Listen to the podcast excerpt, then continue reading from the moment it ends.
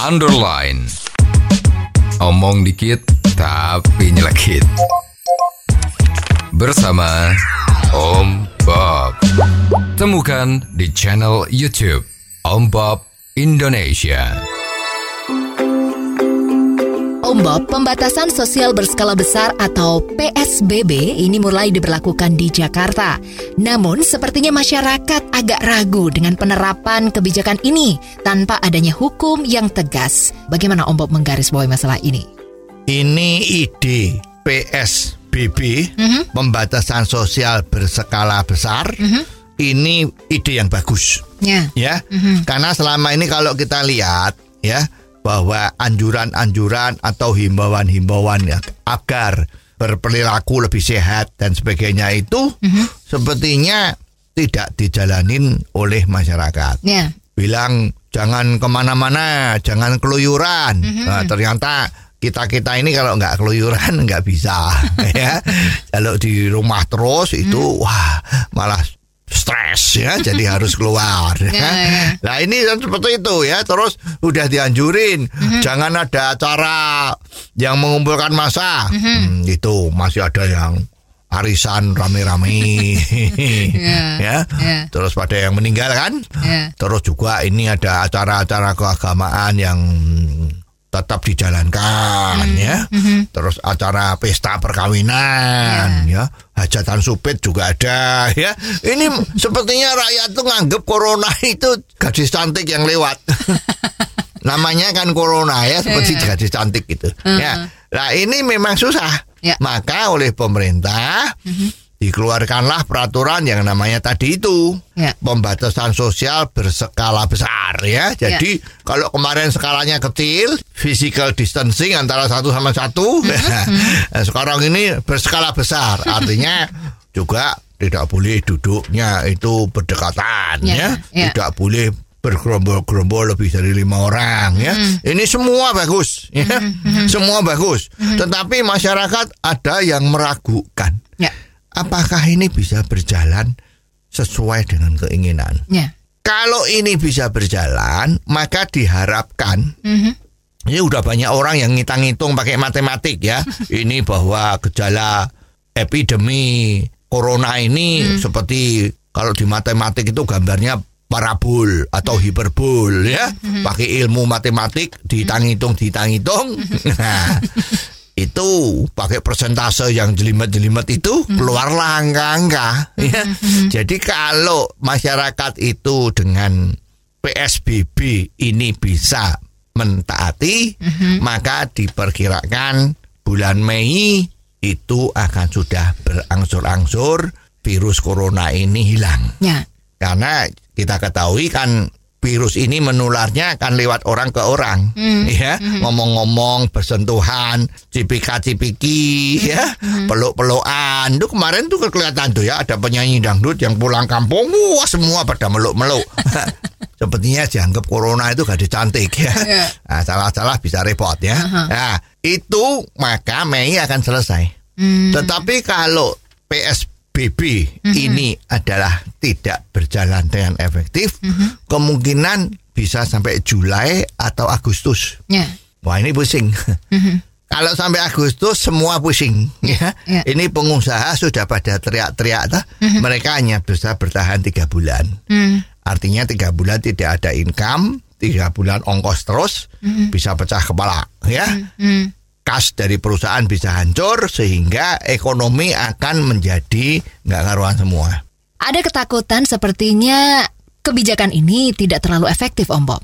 Ya, ternyata peraturan PSBB ini kok tidak ada sanksinya. Hmm. Jadi kalau ngelanggar nggak ada sanksinya. Mhm. Ya, kemarin waktu terjadi himbauan-himbauan itu banyak toh kafe-kafe yang dikunjungi banyak orang, kelihatan sekali ada aparat yang membubarkan. Ya. Ya. Tetapi ada golongan-golongan tertentu yang terutama membela HAM Hmm. itu mengatakan Loh ini kan nggak ada peraturannya untuk tidak boleh berkumpul. Kenapa kok dibubarkan? Nah, Ya kan? Ya. Nah sekarang sudah keluar peraturannya kan? PSBB tadi itu. ya. Nah sekarang kalau melanggar apa? Eh ini nggak ada sanksinya Ya. ya. Jadi kalau ngelanggar ya kalau orang yang berani loh ya, ya pasti akan tanya, loh Pak, oke, saya memang ini melanggar, Hmm. ya saya tidak boleh, misalnya tidak boleh berboncengan naik sepeda motor ya, Mhm. ya udah. Begitu petugasnya pergi, saya nuntun-nuntun boncengan lagi, karena nggak ada sanksinya kok. Ya. Makanya peraturan ini baik, Mhm. tetapi di dalam pelaksanaannya nanti akan agak susah, Ya. ya karena tidak ada sanksinya. Supaya peraturan ini berlaku efektif, kira-kira sanksinya apa Om Bob? Ya, biasanya kalau ini kan dikatakan ini kalau melanggar kan bisa dijadikan pidana. Hmm. Nah, kalau pidana itu kan masuk penjara. nah, sekarang kan menteri kita kan baik hati. Ya. ya 35 ribu narapidana sudah dilepaskan untuk menghindari corona. Ya. Nah, ya kan?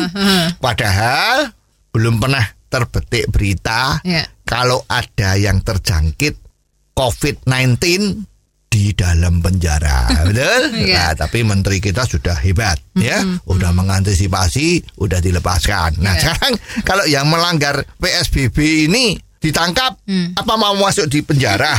Uang penjara aja udah udah dikeluarin kok ini mau Iya. masuk, Iya. ya. Aha. Jadi yang paling betul adalah denda. Hmm. Berapa besarnya sih ya kira-kira kalau di Indonesia itu berapa denda yang bikin jerah ya kalau dendanya cuma 100 ribu ah, mungkin yang keluyuran di kafe-kafe itu kalau 100 ribu ya punya dibayar aja kan? aha. nah mestinya harus luar biasa supaya betul-betul takut Ya, ya, ya. kalau di Singapura itu kan Singapura is fine city ya kan negara yang penuh dengan hukuman-hukuman. Nah ini untuk pelanggaran personal distancing ini dendanya di sana 10.000 ribu Singapura dolar. Hmm. Kurang lebih 120 juta. Ya. Kapokmu kapan? Jadi semua orang nggak berani. ya. Nah sekarang Indonesia, nah mestinya kalau ada pelanggaran ini, ya melihat eh, ekonominya Indonesia dibandingkan Singapura itu kan rupiahnya kan satu banding sebelas ribu kan. Ya. Ya berarti kalau sana itu 100 juta, Ya. ya di sini mungkin satu juta. Hmm. Jadi kalau terjadi pelanggaran, ya dendanya satu juta. Ya. Denda dua kali ya dua juta. Begitu. Nah Ya. ini baru terasa. Apakah itu bisa benar-benar jalan Om Bob? Nah ini susahnya. ya, Ya. di Indonesia itu kalau didenda satu juta, terus saya bilang saya nggak punya duit, terus gimana? Mau masuk penjara lagi, ya dikeluarin lagi. Iya. ya, jadi ini susahnya di Indonesia itu tidak ada yang kepastian seperti ini. Kalau didenda 10 juta, ya, terus gimana? Baik, saya mau, tapi saya belum punya duit, terus gimana? Kan pusing ya. Ya. Jadi memang di sini aparat kita harus bekerja luar biasa beratnya agar supaya masalah Ya. PSBB ini bisa berjalan dengan baik. Oh, jadi begitu ya Om Bob. Jelas deh sekarang. Terima kasih Om Bob untuk waktunya. Sampai ketemu lagi di waktu yang akan datang. Underline. Omong dikit tapi nyelekit. Bersama Om